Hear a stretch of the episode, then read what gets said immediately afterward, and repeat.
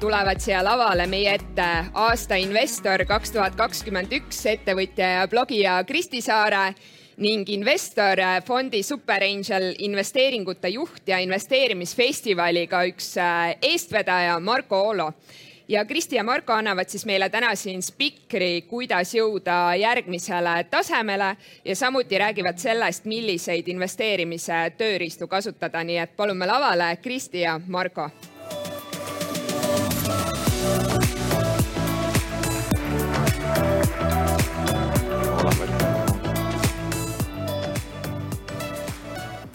Äh, no nii, tervitus kõikidele. Äh, niikaua kuni Marko siin äh, vett valab, ma teen nalja. kuidas Marko helistas mulle ja kutsus mind investeerimisfestivalile esinema ja siis ta ütles, et tule tee pühapäeval ja tee mingi selline algajate sada küsimust.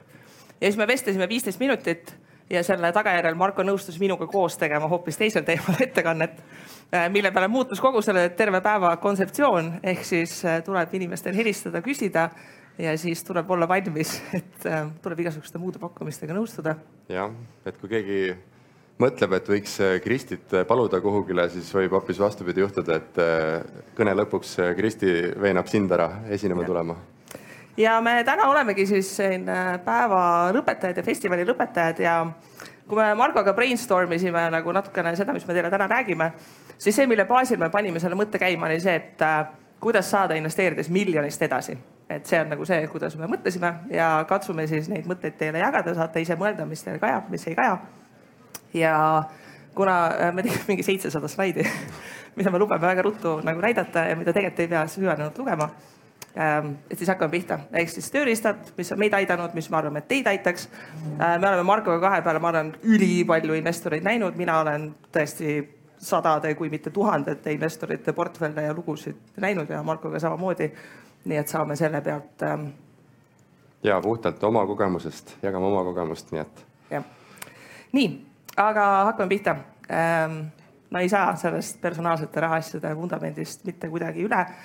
ma ei ole kohanud mitte ühtegi edukat investorit, kellel ei ole enda rahaasjad kontrolli all mm. -hmm. see, et kuidas nad on kontrolli all, see on erinev, aga nad on kontrolli all alustuseks ja et, et tundub, et, et, et siis, kui teemaks on, et kuidas jõuda järgmisele tasemele, siis need tööriistad on midagi eriskummalist või täiesti teistsugust, aga tegelikult on needsamad põhiasjad, mis, mis kannavad nii alguses kui ka hilisemas faasis ja, ja lihtsalt minu enda näitel. Eh, üks on eelarvestamine, mis ma arvan, ongi tegelikult kõige-kõige tähtsam, et kui ühe, ühte asja tegema hakata enda finantside juures siis eelarvet pidama. siin on minu eelarve siis äh, kaks tuhat kolmteist aastal, äh, kirjutasin välja kuluridade kaupa, kuhu minu raha kulub äh, ja, ja siis oligi kategooriad, näiteks üür, toit, väljas söömine, nii edasi ja all oli siis tulud ka, siis sain isegi palka näiteks kakssada eurot. Ähm, üüritulu oli mul ja stipendiumid ja, ja väike väga arenguline ettevõtte nimega Bearbong. nii et kokku teenisin kuskil mis siin on siis tuhande euro juures ja kulud olid kaheksa euro juures ja kakssada eurot säästsin. Ja niimoodi ma siis iga kuu olen jälginud, vahepeal on äh, see meetod muutunud või kuidas me jälgime, tabel on natuke muutunud, põhimõte on täpselt sama, et täna ma jälgin siis sellise tabeliga enda kulusid ja tulusid ja just vasakul pool on siis kõik need kulud kirjas, iga kulutus on ühe reana kirjas, ma iga nädal siis võtan nädala kulutused kokku, kirjutan need ümber, äh, tulud on ka kirjas ja, ja näen ka koondülevaadet, kui palju siis igasse valdkonda kulub ja saan endale iseendale eelarve ette seada, et sellest mitte üle minna. ja nagu all näete, siis iga kuu kohta on üks selline äh, leheke, kus iga kuu on kirjas ja lõpuks siis näeb aastaülevaadet ka, siis vaatad, kui palju aasta lõikes on su protsendiklubi, äh, kui palju sa kvartalis säästad, absoluutnumbrid ja, ja kõik see. Ja, ja seda ma olen siis teinud äh, läbi üle kaheksa aasta, nüüd üheksa aastat peaaegu ja siin on näha siis need tabelid, Exceli tabelid, et iga aasta kohta on üks tabel, kus on sees siis kõik need kuud ja, ja nii ma olen siis üheksa aastat järjepidevalt ikka kulust kirja pannud, isegi täna. järg-, nüüd lähen koju peale festivali, võtan õhtul kvaliteetaja, tund aega kirjutan pere-eelarve ülesse. ja tehes seda kaheksa aastat, nüüd täna juba rohkem järjepidevalt on see olnud nagu põhivõti, kus on tulnud minu algkapitali investeerimiseks. olen suutnud eh, kaheksa aasta jooksul säästa ligi kakssada üheksakümmend tuhat eurot aktiivsest tulust ja keskmine protsendiklubi määr on umbes viiskümmend kuus protsenti siis sissetulekust ja need, kellel tekitas stressi see, mida Marko teeb, siis ma räägin, mida mina teen äh,. inimesi see üllatab, ma ei ole elu sees mitte kunagi eelarvet pidanud. mitte kunagi. Kuidas nii? Äh,? päriselt ka ei olegi mitte kunagi. Äh,. sellepärast, et äh, ma ei viitsi. Ma ei taha Exceliga nii palju kvaliteetaega veeta. Iga mina, nädal äh,, iga nädal tund aega. iga nädal Exceliga ei. Mina olen väga tugev reverse budgeting'i fänn ja ma arvan, et väga paljudele inimestele see klipib kõvasti paremini. Ja see mindset, mis seal käib, on see, et noh, et build the life you want and save for it. Ehk siis kõik asjad, mida sa tahad osta, neid on võimalik osta, leia selleks raha ja kui sa pärast seda, kui sa seda kõige põhilisemat säästunippi kasutad, mis on see, et palgapäeval kannad raha ära ja midagi enam alles ei ole, siis, äh, siis see on probleem, mida tuleb lahendada. et kui sa tahad rohkem kulutada, siis tuleb lihtsalt see raha kuskilt teenida. Äh, ja noh, ma arvan, et see võib-olla üks see mõtteviisi koht, et kuna ma alustasin õpetajana, siis vahet ei ole, kui head Excelit ma oleksin pidanud, nagu seal lihtsalt ei olnud mitte midagi säästa. noh, ma sain nagu palka kätte mingi julgelt mingi viissada eurot, noh vahet pole, mitu tundi sa selle Exceliga midagi teed, noh, see ei päästa nagu absoluutselt, eks ju, noh, tõesti ja äh, ja see mõtteviis on mulle külge jäänud ja, ja see toimib väga hästi, sest et meie aju nagu ei ole üldse koostööaldis. Äh, mis sest, et ma olen ju praeguseks rahaasjade maailmas üle kümne aasta olnud, siis äh, kohe, kui ma ei kanna raha kuu alguses ära, siis ma hakkan kohe mõtlema, et tegelikult ilgelt oleks poodi vaja minna noh, millest ma tean, mul ei ole sealt nagu mitte midagi vaja, aga see mõte hakkab, eks ju, jooksma ja, ja kui sa teed selle lahenduse ära, et okei okay,, ma kuu alguses kannan siia teise, kolmandasse, viiendasse kohta investeeringuteks raha ära. see, mis on alles, on see, millega sa elad, sa ei tunne nagu sellest üldse puudust. ja mina teengi seda finantsplaneerimist niipidi, et noh, kõigepealt lähebki reaalselt säästud, investeeringud, siis mingid olulised perekulud, ma ei tea, mingid lastehoiud, asjad, mis iganes ja siis sealt edasi hakkavad tulema kõik need asjad, mida sa nagu tahad teha. ja kui sa tahad neid asju rohkem teha, siis, siis tuleb teha rohkem tööd et äh, see mind distsiplineerib lihtsalt kõvasti rohkem tegutsema, et äh, ma soovitan, et kellel selline detailne eelarvestamine ei sobi, et pigem minna seda teed pidi. ja peaasi, et seda teha, et ja. Äh, minu probleem on lihtsalt see, et, et, et kuhu kaob raha ja kust tekib tolm. ei saanud täpselt aru, siis tuleb Exceliga vaadata. aga, aga teine tööriist siis vundamendist on finantseesmärgid ja see on siis kui juba raha tekib ja seda hakata siis investeerima, eh, siis on hea ka aru saada, et kuidas ta ajapikku nagu kasvanud on. ning eh, mm, Kristi, eh, siis ja. räägi sellest evolutsioonist, siis ma räägin, kuidas mina seda olen ka teinud äh,. mina olen see taaskord laisk eesmärgiks teha äh,. mina ütlesin, kui ma olin kakskümmend viis äkki, ma andsin kunagi mingi esimese äripäeva intervjuu, ütlesin, et ja, ja ma tahan saada finantsvabaks. mul sel hetkel oli mingi kolm tuhat eurot äkki või, noh oluliselt rohkem ei saanud olla. ma ei teadnud absoluutselt nagu esiteks, mis asi see finantsvabadus on, kuidas seda saavutada saab, kui palju selleks nagu päriselt raha vaja on aga eesmärk oli vähemalt püstitatud ja siis inimesed, kes seda artiklit lugesid, siis kui nad mind kuskil üritustel nägid, siis küsisid, et ah, kuidas läheb siis selle eesmärgiga, eks ju. ehk siis selline väline kontroll oli nagu olemas, et kuhu sa liigud. Ähm, ja hästi paljud inimesed jäävadki sinna kinni, et seesama finantsvabadus või noh, mingi selline suurem number, noh, ma näen seda eriti nendel palgateemadel, et inimesed ette juba vaatavad, et see on nagu kuidagi nii suur number, et ma ei tea, kuidas seda saavutada ja ma ei võtagi seda eesmärgiks. ja sa ei pea alguses teadma, eks ju, see investeerimine, see sissetuleku suurendamine, kõik, eks ju, sa õpid seda tehes ähm,. pane see eesmärk, isegi kui see on nagu täiesti ulmeline noh, ütleme okei okay,, nagu miljard võib-olla ei ole nagu mõistlik portfelli eesmärk, eks ju. aga Eesti mõistes miljon on nagu täiesti fine eesmärk, see on täiesti tehtav.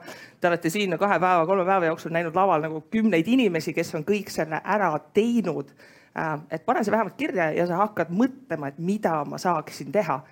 ja, ja selle eesmärgistamise koha pealt nagu noh, mida mina rõhutaksin äh,. hästi palju inimesi mõõdavad oma tegevusi sellega, et kui palju ma kulutasin sinna aega et noh, reaalselt, et ma kulutasin nii palju mingile lugemisele, tegemisele, mis iganes äh,. noh, vahet pole, palju sa kulutad, kas sa kulutad tund, kui sa kulutad kümme tundi, kui noh, tulemus on sama, siis see tund aega on nagu paremini kulutatud aeg, eks ju. et seda tasuks vaadata, et sellist äh, mikro mingit manageerimist ja noh, ma näen eriti alustades on nagu seda nagu mega palju, et sul on äh, noh, ma ei tea, sada kaubamaja aktsiat ja siis sa loed seda kaubamaja majandusaruannet, mis on mingi sada kakskümmend lehekülge, et noh, nagu kas ja mida see sulle päriselt annab, et seda võiks mõelda ja noh, katsetadki, ei tule välja, proovid uuesti, eks ju äh,. niimoodi asjad edasi liiguvad ja, ja mulle väga meeldib see, et eesmärke jagada, et see distsiplineerib äh, ennast ka, et teised küsivad, et äh, kuidas läheb. meil sealsamas investor pundis ka, et reaalselt me raporteerime nagu iga-aastaselt, mis on eesmärgid, mis on tehtud ja see väga distsiplineerib äh,. sest et muidu on nagu piinlik, kui teised on kõik tublid ja siis ise väga tubli ei ole. Kristjan küsib, siis ei saa nagu. jah, kui Kristjan küsib, et nagu kuidas siis nagu läks, eks ju, siis on piinlik, kui ei ole midagi. milline su esimene eesmärk oli siis, kui, kui suur portfell sa arvasid, et peaks olema, et äh, saada finantsvabaks? kakssada viiskümmend see tundus nii ulmeliselt suur, see, see tundus lihtsalt nagu nii suur number, mõtlesin, et see oli kroonides neli miljonit, ma olin nagu mingi, ma ei kujutanud üldse ette, et nii palju raha olemas on. ja kui selle saavutaks, siis oleks, võiks nagu kolida soojale maale ja? no selles suhtes, sel hetkel, kui viissada euri palka saad, siis kakssada viiskümmend tuhat, see ongi nagu see, et noh, issand jumal, et nagu noh, enam ei, see oli, see oli vist sama palju, kui sel hetkel olid bingoloto võidud mm,. Okay. jumala teaduslik nagu goal setting, eks ju, et noh, nagu lotovõit minu esimene eesmärk oli siis äh,, lugesin ka raamatuid, et kuidas siis äh,, kuidas finantsvabaks saada ja muidugi tegin siis äh, mõnusa kalkulatsiooni.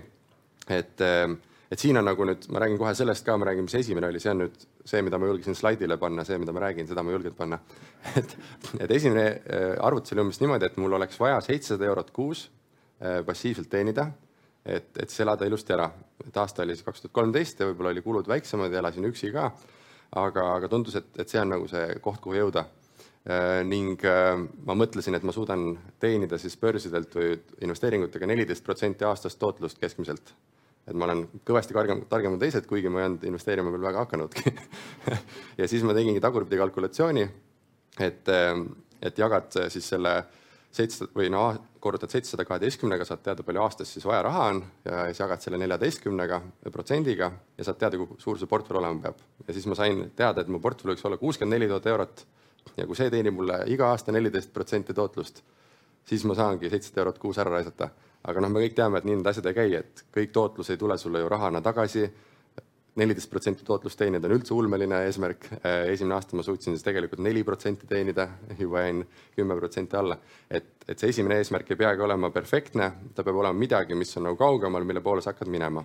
aga põhimõtteliselt kaks viisi, kuidas enda eesmärke või seda finantsvabaduse numbrit arvutada. üks ongi see, millest ma rääkisin, hästi lihtne. mõtled välja, mis on see ideaalne rahasumma, mis sul kuus võiks olla. Äh, et, et kulud ära katta, korrutad selle kaheteistkümnega, saad teada, palju aastas peaks seda raha tekkima sulle, et, et sellest ilusti ära elada. mõtled, mis sa suudad siis to tootlust teenida, näiteks kaheksa protsenti, siis jagad selle aastase äh, rahavajaduse selle tootlusega ja saad teada, kui suur võiks olla portfell. aga siin ongi see viga, et, et kogu tootlus ju ei tule sulle rahavoona tagasi, et rahavoo tootlus on ainult äh, üks osa kogu tootlusest. nii et see on hea, hea asi, lihtne viis, kuidas panna mingi endale näiteks see kakssada viiskümmend tuhat eesmärk ette, kuid eh, kindlasti see arvutusmeetod ja sinu eesmärgistamine muutub ajapikku.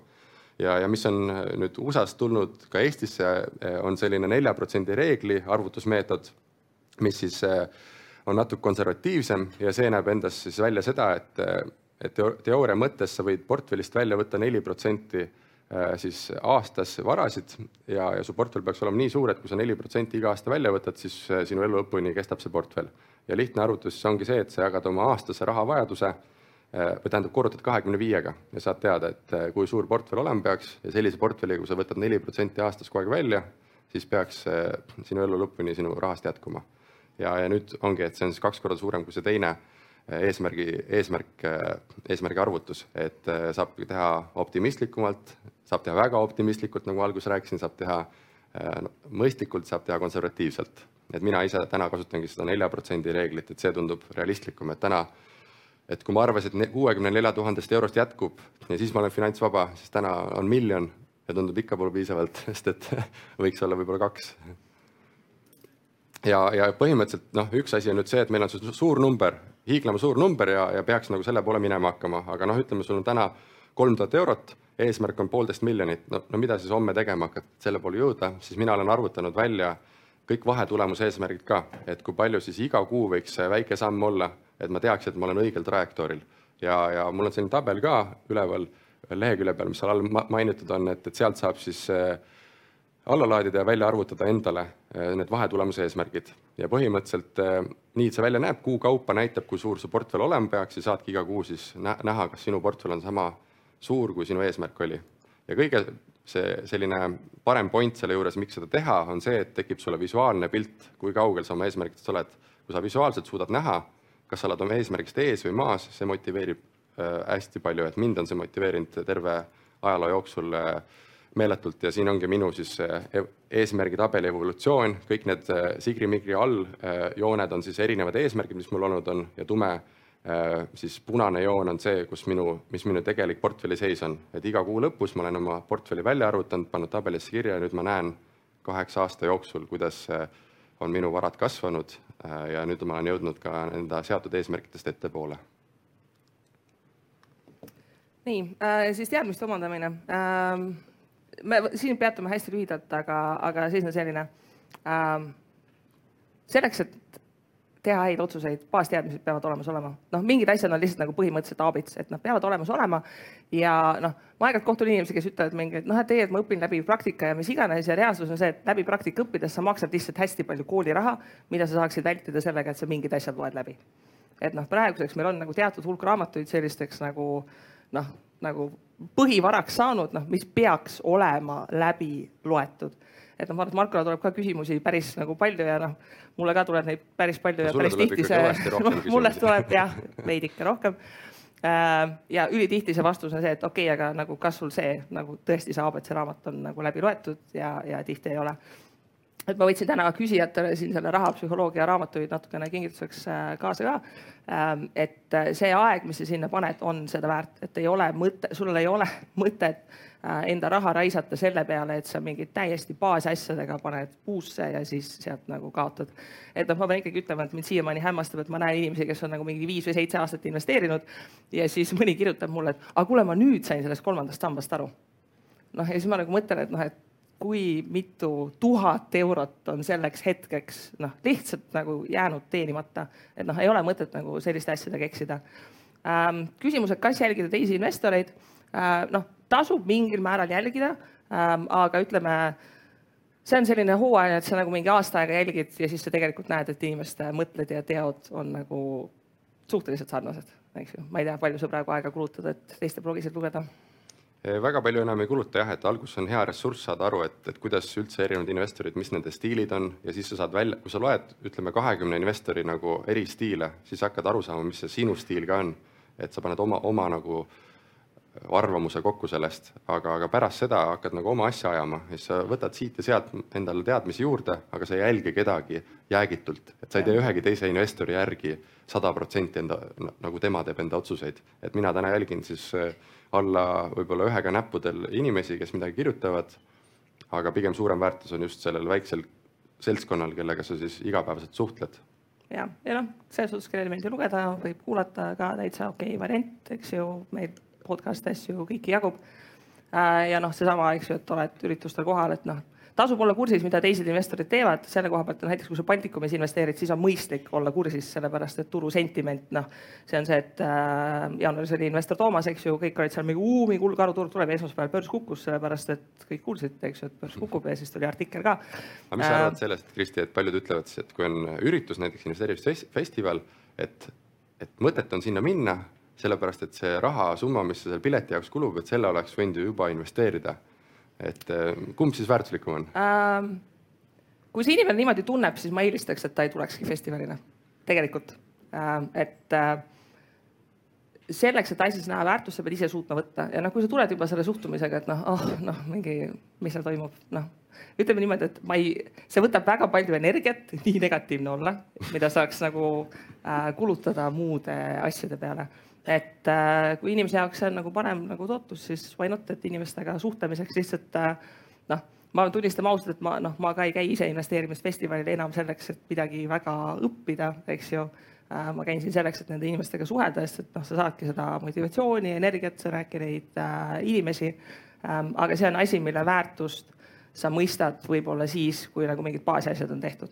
et noh, kui sa oled nagu selles faasis ähm,, kus noh, säästumäär on veel olematu ja noh, siis jah, pigem maksa võlgu ja pane kolmandasse sambasse, et see on ka nagu selles suhtes okei okay lahendus ähm,. aga selle festivali koha pealt äh, networking on käinud, noh, käis eelmisest ettekandest ka läbi äh,. ja ma ütlen, et see on see, mis äh, tegelikult hakkab väga palju määrama Ähm, et see kontseptsioon, mis mul nagu aastaid tagasi klikkis ära, on see, et liitintress toimib inimsuhetes ka. Et mida kauem sa inimestega suhtled, mida rohkem sa teed nendega koos asju, seda suurem on usaldus. ja see efekt ei ole mitte see, et nagu, äh, et pirukast nagu kõik saavad väiksema tüki, vaid pigem see, et ühiselt koos küpsetatakse suurem pirukas ähm, raamatu teadmistega tuleb lihtsalt see praktiline sein ette, et sa loed need põhiasjad ära ja siis noh, mult hästi palju küsitakse, et noh, tahaks, ma ei tea, mingit edasijõudnud koolitust sellel, teisel, kolmandal teemal. aga seal ongi see probleem, et mingist punktist ei ole enam teadmised universaalsed. Et nad sõltuvad sellest, kus sa oled, palju sul raha on, palju sul riskitaluvust, kõike muud ja selleks on vaja teiste inimestega rääkida ja selline hästi hea küsimus, mida mult ka tihti küsitakse, on see, et ah, et noh, et ma tahaksin nagu järgmisesse mingi ükssarvikusse investeerida või Bolti või nagu mis iganes, eks ju. ja see on nagu väga hea kontrollküsimus. minul võttis äh, seitse aastat investeerimist aega, enne kui ma olin selline inimene, kellel laualt käis Bolt läbi.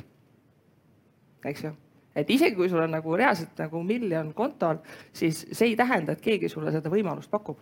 Sul peab olema midagi muud nagu lisaks anda et noh, mida esoteerilisemaks minna, et noh, kui sa ingeri investeeringute maailmasse vaatad, siis äh, kõikidel on raha.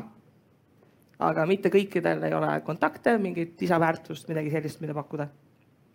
Äh, teine hea kontrolli küsimus enda network'i kohta on see, et äh, igasuguseid suurepäraseid investeerimisvõimalusi tuleb päris tihti, kui endal kapitali ei ole, eks ju, et äh, igaüks võib mõelda, et kui tuleb reaalselt järgmine Bolt, keegi pakub sulle, et palun investeeri ja sul ei ole seda raha.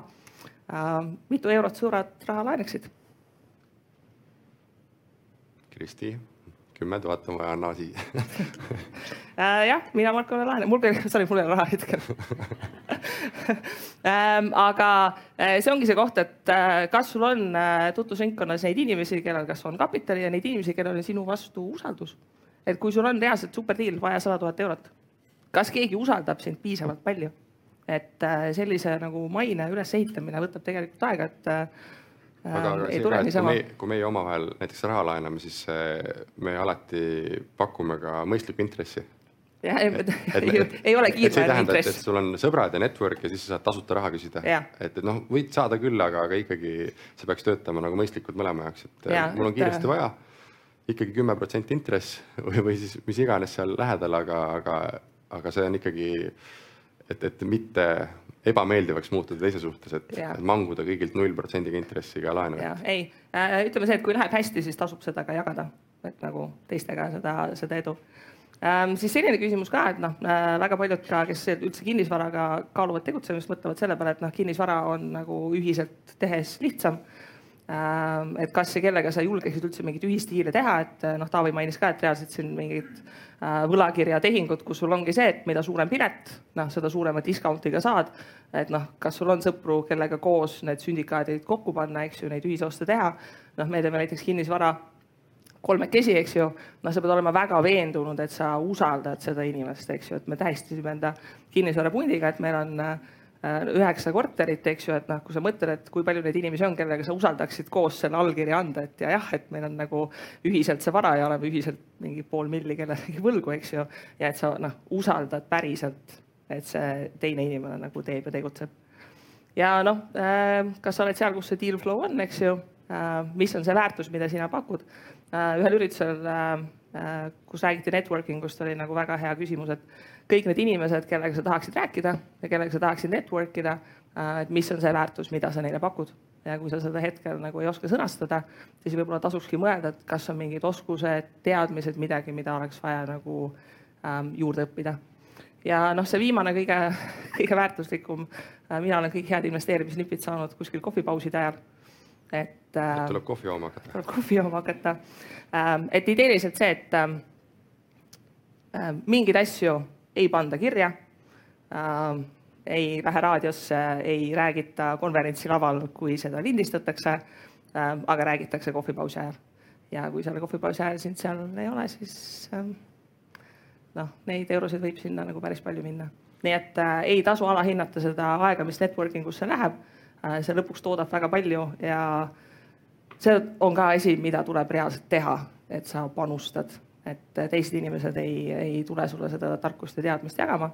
Äh, Taavi mainis ka, et äh, meie see investeerimispunt on, ma ei tea, tahad sa kommenteerida midagi? minu nagu üks, üks nugget siia network'i juurde on see, et, et kui me kuulame läbi festivali ka hästi edukaid inimesi, et siin on olnud ju näiteks Taavet ja Sten, Neinar ja tundub, et, et nad on nagu kõige paremad inimesed, keda kuulata, siis mina, mina näiteks olen leidnud, et, et enda mentorit valides või kellelt õppides on, on hästi palju kasulikum ümbritseda ennast väikse seltskonnaga sinuga sarnasel tasemel olevate inimestega, sest et teil on kõigil samasugused äh, väljakutsed, samasugused mured, et Taavetil on hoopis teistsugused mured, kui minul täna on. Ja ta ei oska mind, minu tänastest muredest nagu läbi aidata, küll aga oskavad kümme minuga sarnast inimest äh, töötada läbi neid mõtteid, mis mul peas on.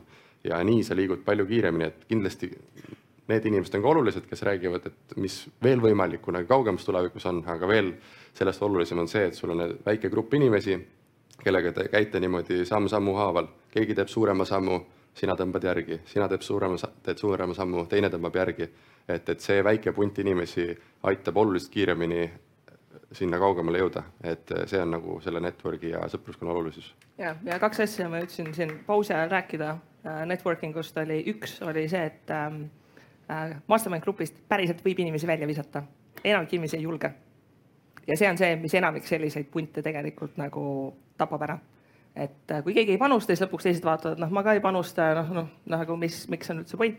et meie investor seltskonnas ka äh, mõned inimesed viisakalt saatsime oma teele, sest nad ei panustanud. Äh, et see on see, mis hoiab seda õhkkonda üleval. ja, ja selline enda network'i kontrolli küsimus ka, et kui sul läheb hästi, noh, kes on need inimesed, kellega sa seda jagad ja kes on need inimesed, kes tunnevad selle üle rõõmu Äh, ja kui neid inimesi ei ole, siis tasuks mõelda, kust neid inimesi leida. sest on väga demotiveeriv, kui sa teed nagu midagi ägedat ja tahaks kellegagi nagu jagada.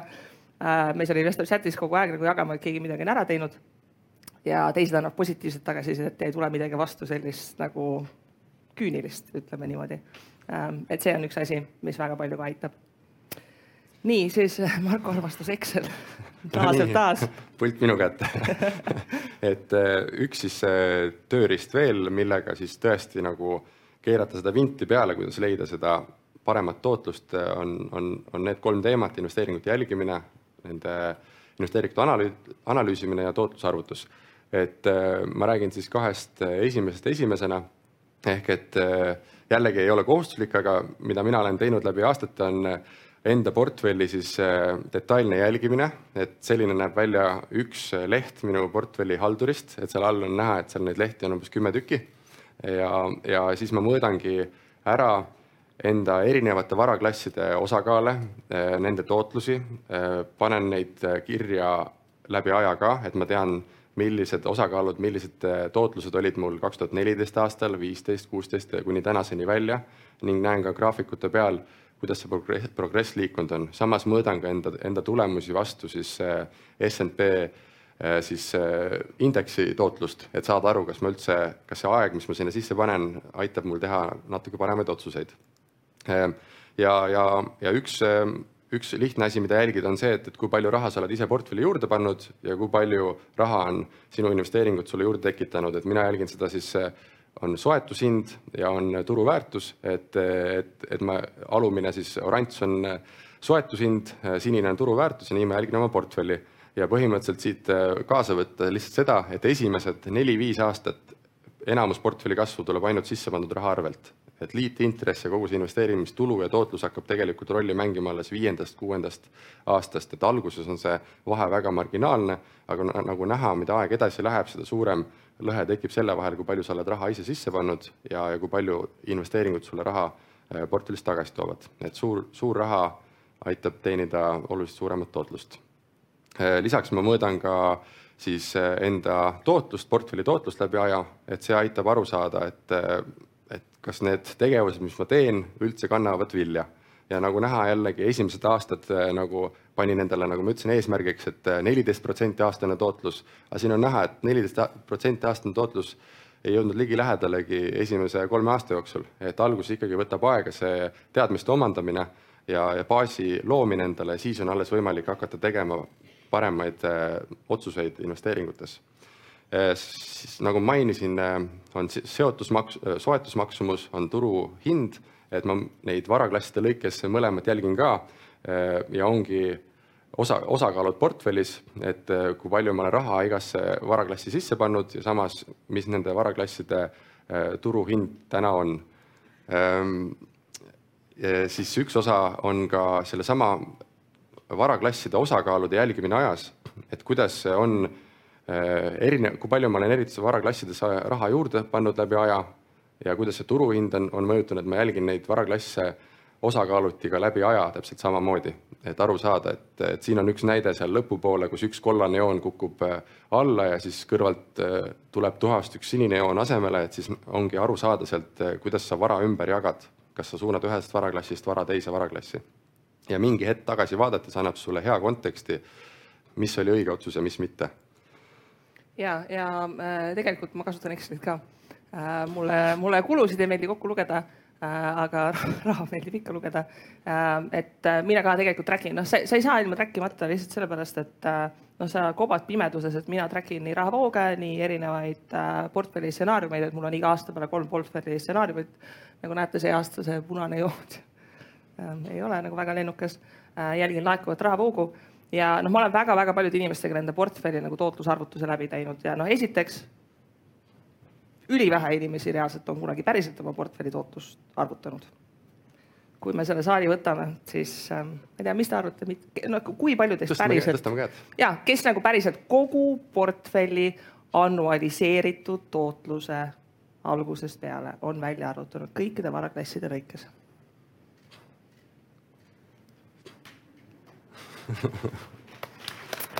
äh, see on väga tubli, et need, kes on seda teinud aga see ei olnud isegi üks kümnest. noh, mille järgi sa otsustad, kas sa päriselt oled teinud hea valiku kui sa ei saa seda mitte kuidagi mõõta. et noh, selles on nagu tore seda raha kuskile panna, aga ma näen väga paljud inimesed, kes mulle konsulti jõuavad äh,, on nagu noh, kuskile jõudnud, et portfell hakkab mingi saja tuhande piirile jõudma, eks ju, ja siis nad ühel hetkel panevad need asjad lõpuks, et okei okay,, ma teen nüüd Exceli ja siis nad teevad selle Exceli valmis ja siis nad kirjutavad nagu help nagu sest et nad tegid nagu mingi esimese piruka graafiku ja siis nad vaatasid, okei okay,, et tegelikult ma ei saa nagu magada öösel, sest et ma ei ole rahul selle asjaga, mis on. ja siis tavaliselt inimesed pärast seda kohtumist nagu lihtsalt nagu mingi kolmandiku portfellist müüvad nagu mingeid asju maha, mille, mille kohta neil on nagu noh, ei olegi nagu mingit vastust, et miks see asi sul on. peale selle, et, ähm, et ta on nagu kuidagi tekkinud sinna mingil hetkel. nii et noh, ilma tootlusarvutuseta ei saa. et kui su strateegia on see, et ma panen igakuiselt indeksisse nagu fine, siis ei ole vaja tootlust arvutada, eks ju, teed seda iibe kaudu, see benchmark ib su teiste indeksite vastu ära, kõik on okei okay.. aga kui su portfellis on midagigi muud peale indeksite, noh, sa ei saa noh, sa maksad taaskord reaalsete eurodega enda lollide otsuste eest. jah, et, et see number, mida LHV Pank sul näitab selle aktsiarea taga, see ei ole annualiseeritud tootlus.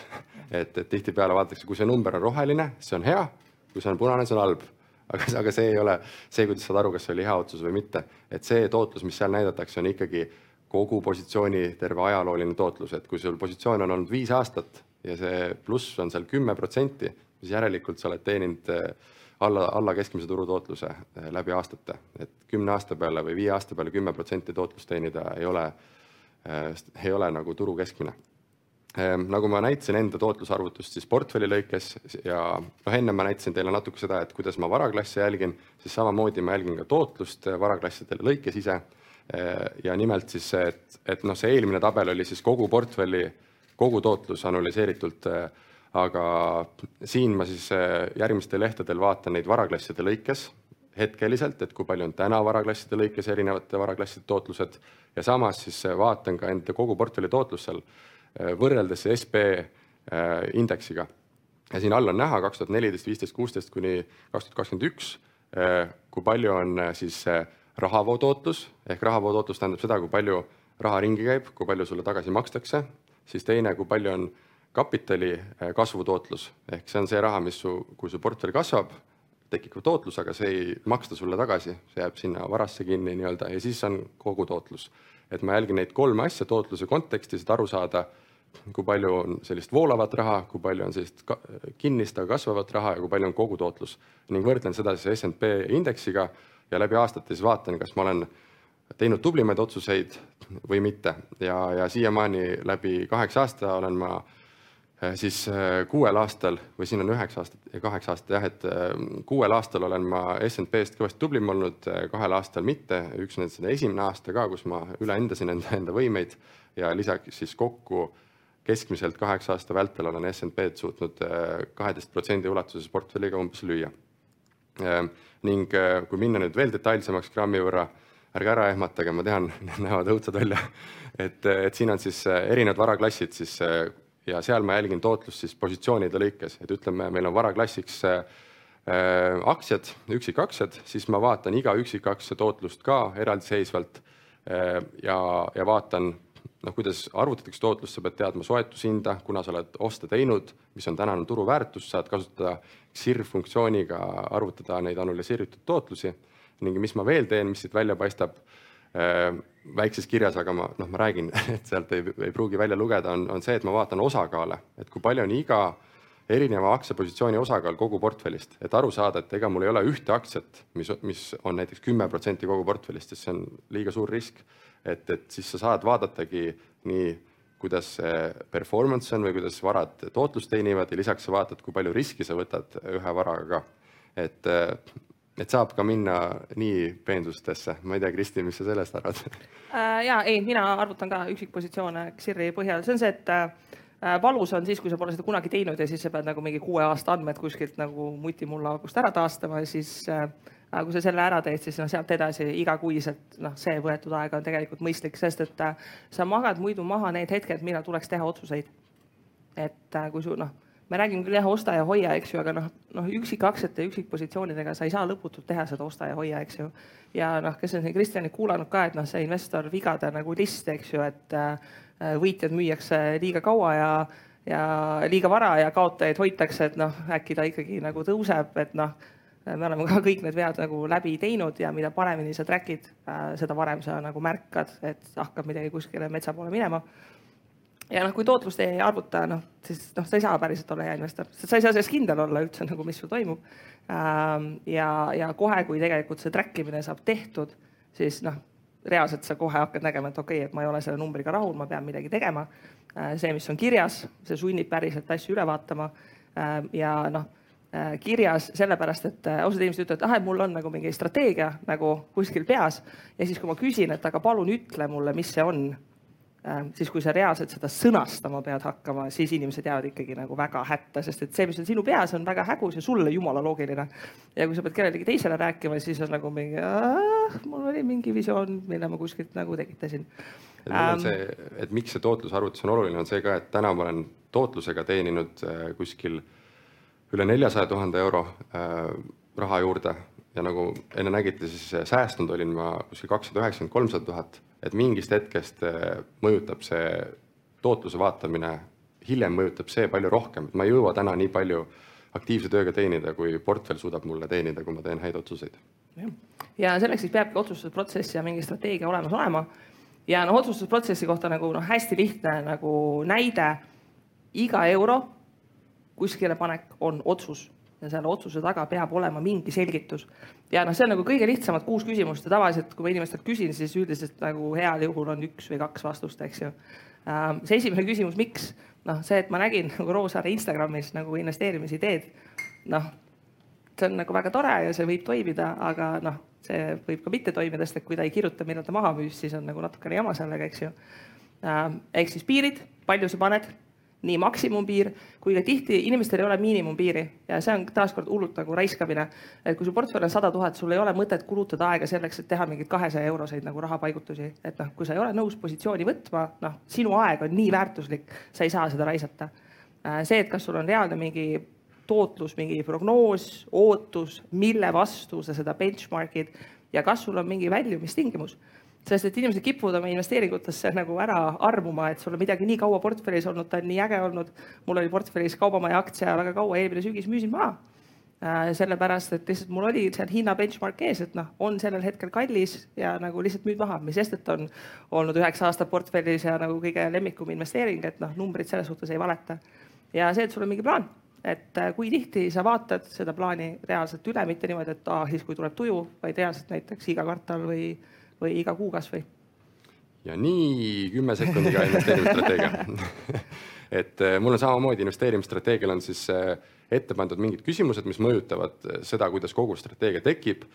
peamine küsimus on, kust raha tuleb, sellest saad teada, kas sa investeerid eraisikuna või ettevõttena, on mõtet investeerida seal, kus see raha tekib. Enamasti, muidugi kui suurem portfell on, siis alati mõtet ettevõttena liiku-, edasi liikuda, aga alguses kindlasti, kui sa teenid juba ettevõttesse raha, ei ole mõtet seda palgana välja maksta, siis hakata eraisikuna investeerima. teine küsimus, kui aktiivne sa olla tahad, see mõjutab, milliseid varasid üldse osta, paljud nõuavad väga palju aktiivsust, nii et kõike ei ole mõtet osta, kui sa ei taha olla aktiivne investor kolmas, kui pikk on sinu horisont, see mõjutab jälle, milliseid varasid osta. Osad nõuavad aega, kui sul ei ole kannatust ega aega, raha läheb vaja, siis sa pead kindlasti valima mingeid teistsuguseid instrumente, mis on likviidsemad. ja neljas, kui palju riski sa oled nõus võtma. see tundub väga teoreetiline küsimus, sest et sellest saad alles siis aru, kui sa raha hakkad kaotama.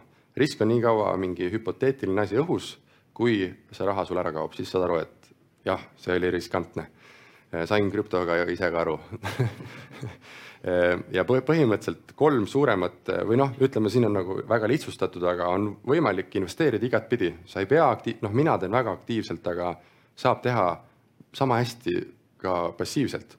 et üks strateegia võibki olla see, et sul on täiesti sada protsenti passiivne strateegia. raha tuleb, kõik läheb indeksisse ja noh, ma panin juurde ka kinnisvara ja, ja pensionifondid, sellepärast kinnisvara meil kõigil ajapikku elus tekib aga selline indeksfondid, kinnisvara, pensionifondid, sa ei pea väga palju seal tegutsema, noh, kinnisvaraga pisut rohkem, aga ikkagi, kui see on niimoodi sulle jäänud, siis ei ole mõtet sa seda ka nagu välja ära müüa ja, ja indeksisse panna, igastahes selline piisavalt passiivne strateegia. teine, sa võid minna täiesti teise äärmusesse, hästi aktiivseks, sa jälgid portfelli riskide mõttes, sul on erinevad eesmärgid, erinevad levelid eh,, on vundament, mis hoiab sul kindlust, siis on olemas sul rahavoo osa portfellist, mis teenib sulle kogu aeg rahavoogu, on olemas kolmas osa, mis on üksikaktsiad ehk et kasvu saada või selline kasvuosa ja on viimane tipp, mis on kümme protsenti portfellist, millega sa, mänguraha, millega sa spekuleerid. et, et teha selline hea jaotus, sulle tuleb nii rahavoogu sisse, tulevik on kindlustatud või põhi on kindlustatud, teenid ka kasvu ja saad ka mängida. et, et see on siis aktiivse investori nagu vaade ja kolmas on võib-olla alati kombinatsioon, et võid alati panna piisavalt palju raha hästi turvaliselt, jätta väikse osa endale kümme, kakskümmend protsenti, millega saad siis oma mängukire rahuldatud, kuigi sa tead, et alati sul on see põhi nagu kaetud. ja, ja ma ise olen siis äh, seda mõtet endal läbi mänginud, et olen noh, muidugi ma tean, kuidas siis osakaalud portfellis on, aga miks seda, miks see oluline on, see aitabki paika panna sinu nii-öelda riskiastmed ehk et ma ise olen vaadanud, et, et millised varaklassid on mul nii-öelda, hoiavad seda stabiilset, noh, kuna ma olen piisavalt aktiivne investor, siis et kui palju äh, varaklasse on, hoiavad mul stabiilsust põhjas, kui paljud tekitavad rahavoogu, kui palju kasvu ja kui palju spekulatsiooni on ja see väldib seda, et ma ei pane liiga suurt portfelli osakaalu spekuleerimiseks. see tähendab seda, et ma ei pane liiga suurt portfelli osakaalu kasvu peale, et ma kogu aeg saan aru, et, et mis eesmärgiga mul investeeringud portfellis on nii, ja praktiseerimisülesande me mõtlesime Tšeiki ja Taaviga väga ühtemoodi, aga siis me mõtlesime, et me peame neid kuidagi ületama. Ähm, ja siis me panime teile sellise task'i, et kõik teist, kes on väga ilusad, tublid, targad ja sotsialiseeruvad, siis me pakume teile sellise variandi välja. et kes siin juulikuu jooksul päriselt saavad inimestega kokku äh, ja kui need slaidid tagantjärgi tulevad, seal on piirne küsimusi, mida näiteks saab kohtumisel arutleda siis, kui te seda dokumenteerite ja panete selle pildi investeerimisklubi Facebooki gruppi, äh, siis me Markoga mängime jõuluvana ja jagame mingit kraami, mingeid koolitusi, asju, mida iganes. ja siis, äh, kes kõige säravamate silmadega pildi paneb, siis kutsume augustis lõunale meiega. ja et, et, et mõte on see, et, et kui, kui teie juba rääkisite, et moodustage mastermind grupid, siis lihtsalt tehke seda juulikuu jooksul Äh, pange sellest grupist, äh, kogunemisest, kui te kogu, saite kokku, te panite oma ideed kirja, kuidas arendada, kuidas äh, hakata jälgima enda asju väga hoolikalt, siis see pilt, enda grupist pilt koos siis nende mõtetega, kus te koos jõudsite, mida te tegema hakkate, pange see siis sinna investeerimisklubi Facebooki gruppi pildina ülesse ja, ja tekstina juurde, mis teie plaan on ja siis jah. ja siis teised saavad lugeda, saavad targemaks ja siis te olete mugavustsoonist nagu vähemalt välja lükatud. me lihtsalt natuke. mõtlesime, mis on kõige kasulikum asi, mis siit välja tulla saab, on tegelikult see, et te leiate endale selle pundi inimesi, kes hakkavad äh, üksteist motiveerima ja koos liikuma edasi. see on kõige tähtsam. aitäh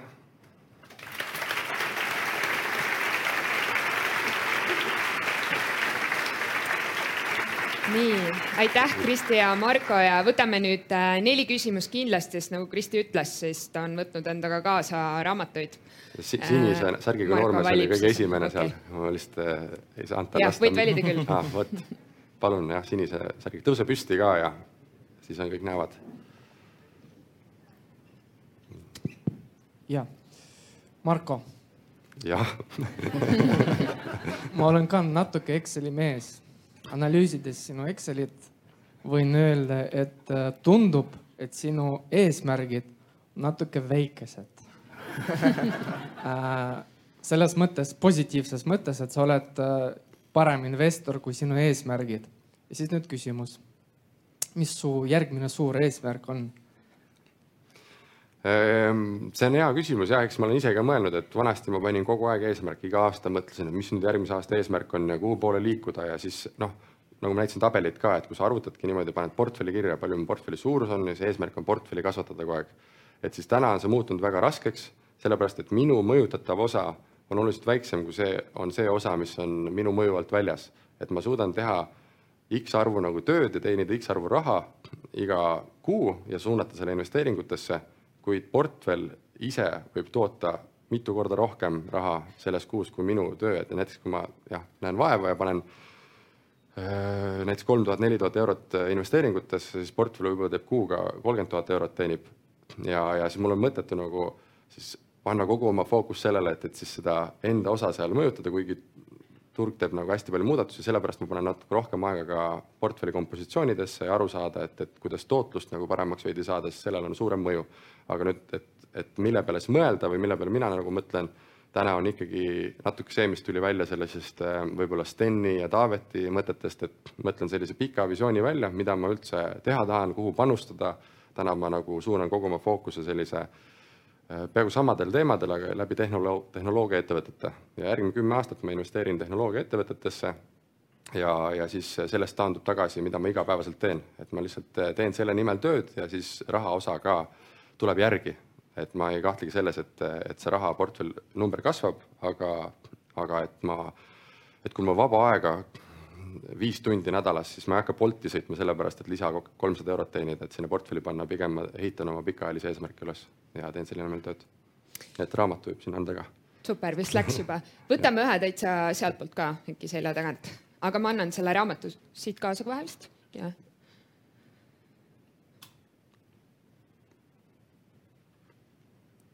Kristi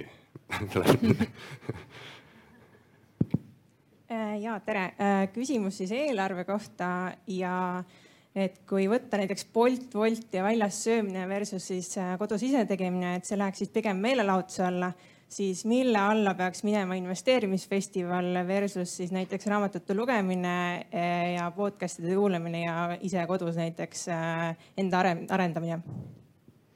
No kõik kulud, mis sa teed, sa pead suutma endale õigustada, et selleks, et teda investeeringuks nimetada, peab sealt tulema mingisugune tootlus. Äh, podcast'e saab tasuta kuulata ja raamatuid saab raamatukogust laenutada, et äh, eks ürituste piletitega igaüks peab ise vaatama, et kui palju pärast raha säästeti, et ma. ärikulu. ärikulu, äh, ma pean ütlema, et mina olen üritustelt suutnud korjata alati piisavalt palju ideid kaasa, mis on mulle kas säästnud või tootnud rohkem kui piletikulu, nii et võtame siis sealtpoolt saali otsast. sealt tagant äkki prillidega, prillidega meesterahvas. aitäh ah,. tal oli ikka. sa mõtlesid kedagi teist? Pole hullu ah,. saab, tooge võimalus, ütle, keda sa nimetasid. ei, las olla, võtke, võtke. okei okay., mul on selline kaheosaline küsimus, et üks asi on see, et ähm, vahva mäng oli, mida seal saalis mängiti, et äh, lisaks sellele, et investeerida äh, ja siis ka seal selle juures nii-öelda kokku hoida, et võimalikult palju investeerida, võiks inimene olla õnnelik. ehk siis, kas teie olete oma siis investeerimisteekonnal olnud alati õnnelikud või olete sellele, selle koha pealt mõnikord teinud nii-öelda mööndusi? ja teine osa, teine küsimus oleks tegelikult siis see, et äh, kas lapsed on teie jaoks investeering või kohustus kolmandat varianti ei ole või? Äh, või see võib mingi variant veel olla? Investeering või kohustus ähm,. see õnnelikkuse küsimus on huvitav äh,. ükski inimene ei ole kogu aeg õnnelik ja raha ei kaitse sind reaalselt nagu raskete elusituatsioonide eest nagu haigused, surmad, noh, mingid sellised asjad, noh, need on asjad, millega tuleb nagu tegeleda niikuinii ähm,. Need on asjad, millega tegelemine on palju lihtsam, kui sa samal ajal ei pea mõtlema selle peale, et kas arved on makstud. noh, see on nagu see klikk äh, äh kui äh, lapsed, äh, kulu või investeering. eluõiet ei ole kuulnud äh,? Ma ei tea, kulu või investeering? oh jah eh,. lapsed ma... on privileeg. privileeg jah, ma arvan, et, et noh, et jah, see on selline nagu lahtine küsimus, et õnnelikkus, et mis üldse õnn on ja, aga noh, et, et eh, kui sul on variant, kas siis teed neid samu asju, aga sul raha ei ole või siis teed neid samu asju, mis sa teed, aga sul raha ka, siis ma valiks selle viimase. Et eh, pigem olla nagu, toimetada samamoodi ja, ja omada nagu mingit portfelli ja, ja rahalist eh, puhvrit. et ma olen näinud küll, et ma saan perele pakkuda palju ägedamaid võimalusi või ägedamaid äh, asju tänu sellele, et sissetulek on nagu suurem kui paljudel teistel, me saame elada suuremas kodus, lastele rohkem ruumi seal mängida, saame inimesi külla kutsuda, julgeme külla kutsuda inimesi, sellepärast et hea on neid vastu võtta. see kõik on võimalik tänu sellele, et, et kind-, rahaline seis on nagu hea. Selle nimel nagu tööd tehtud, et see ei ole nagu sülle kukkunud, aga, aga ma arvan, et see ei, ei ole üks või teine, et minu jaoks ei ole, et, et muidu, kui sa ehitad nagu võib-olla tehnoloogiaettevõtetes sa kuusteist tundi päevas oled kuskil kontoris, reisid ringi, siis sa nagu ohverdad natuke seda äh, pereelu ka selle raha nimel, aga meie ju oleme nagu jaeinvestorid ikkagi ja tööl olnud ja töö kõrvalt teinud, et sul on ikkagi õhtused ajad on vaba, see on sinu enda aja juhtimise ülesanne, et kuidas sa juhid, et äh, see klišee, et, et kui, et see, et, et on miljoniline portfell, tähendab seda, et ma olen viimased kümme aastat äh, kõike muud eiranud, ei ole minu puhul nagu ka tõele vastanud, mul on täna kaks last Äh, kaaslane, ilus kodu, äh, äge perekond, ägedad sõbrad, et ma ei ütle, et ma millestki ilma oleks jäänud. ja lapsed äh, ongi selline, et noh, ma ei tea veel, mul on väiksed lapsed, aga nii palju, kui sa küsid vanematelt inimestelt, siis nad ütlevad, selle, seda ei saa millegi muu vastu ära vahetada, et sa ei saa teha viiekümnes aastaselt otsust, et kui sa ei ole, sul ei ole lapsi, sa ei saa tagantjärgi neid lapsi teha, siis noh, et, et, et see et kui sa oled kuuskümmend, saa öelda, oleks võinud kolmekümneselt teha, et, et, et see, et kolmekümneselt äh, lapsed saada, siis sa saad kuuekümneselt öelda, kas oli õige otsus või mitte. nii, aga nüüd üks viimane kiire küsimus veel, seal valge särgiga meesterahvas saab mikrofoni. tuleb ka mikrofon mm. -hmm. Üks äh, minu nimi on Kaido ja mina olen üks ilmselt siis nendest paljudest, kes on Kristi poole pöördunud Facebookis abi saamiseks. ma loodan, et küsimused ei ole väga, väga rumalad. kas ma võin siit, hoia seda mõtet, ma lihtsalt tahaks teada, et kui paljud on Kristi poole pöördunud Facebookis ja kirjutanud mingi küsimuse? Instagramis ja Instagramis ka, läheb arvesse. noh, nelikümmend protsenti inimestest aga jah. Ja ma ei mäleta, kelle poole ma pöördusin nüüd äh, varakevadel, et äh, sai siis investeeritud aasta aega jälle ja tuli tulu deklareerimine. et äh, see ei olegi niivõrd küsimus, kuivõrd võib-olla mõte teile, kes te sellega võib-olla igapäevaselt tegelete, et tõsine probleem on tulu deklareerimisel et äh, investoreid on meil palju, aga neid, kes oskavad äh, tulu õieti deklareerida, kui ma selle lõpuks noh, aega jäi napiks ja ma tegin ta ise ära. ja siis mõtlesin, mitusada või tuhat eurot ma nüüd kaotasin oma lolli peaga. Ehm, sellepärast tulebki ettevõttelt investeerida lahendab kohe palju probleeme. aga ei, äh, tuludeklaratsioonide, esiteks kõik teaksid, tuludeklaratsioone saab kolm aastat tagantjärgi parandada olen aidanud ka ise inimestel parandada, kelle maksuarved on seal mm, äh, viiekohalisi summasid muutunud. Äh, et äh, noh, see on seesama koht, et tuleb teada, mida sa teed ja noh, maksundus on täpselt see koht, et sa võtad selle aja ja õpid selle ära, sest et muidu sa maksadki väga konkreetselt eurodes kinni. jah, keegi ei taha olla Kristo Käärmann. nii, aga aitäh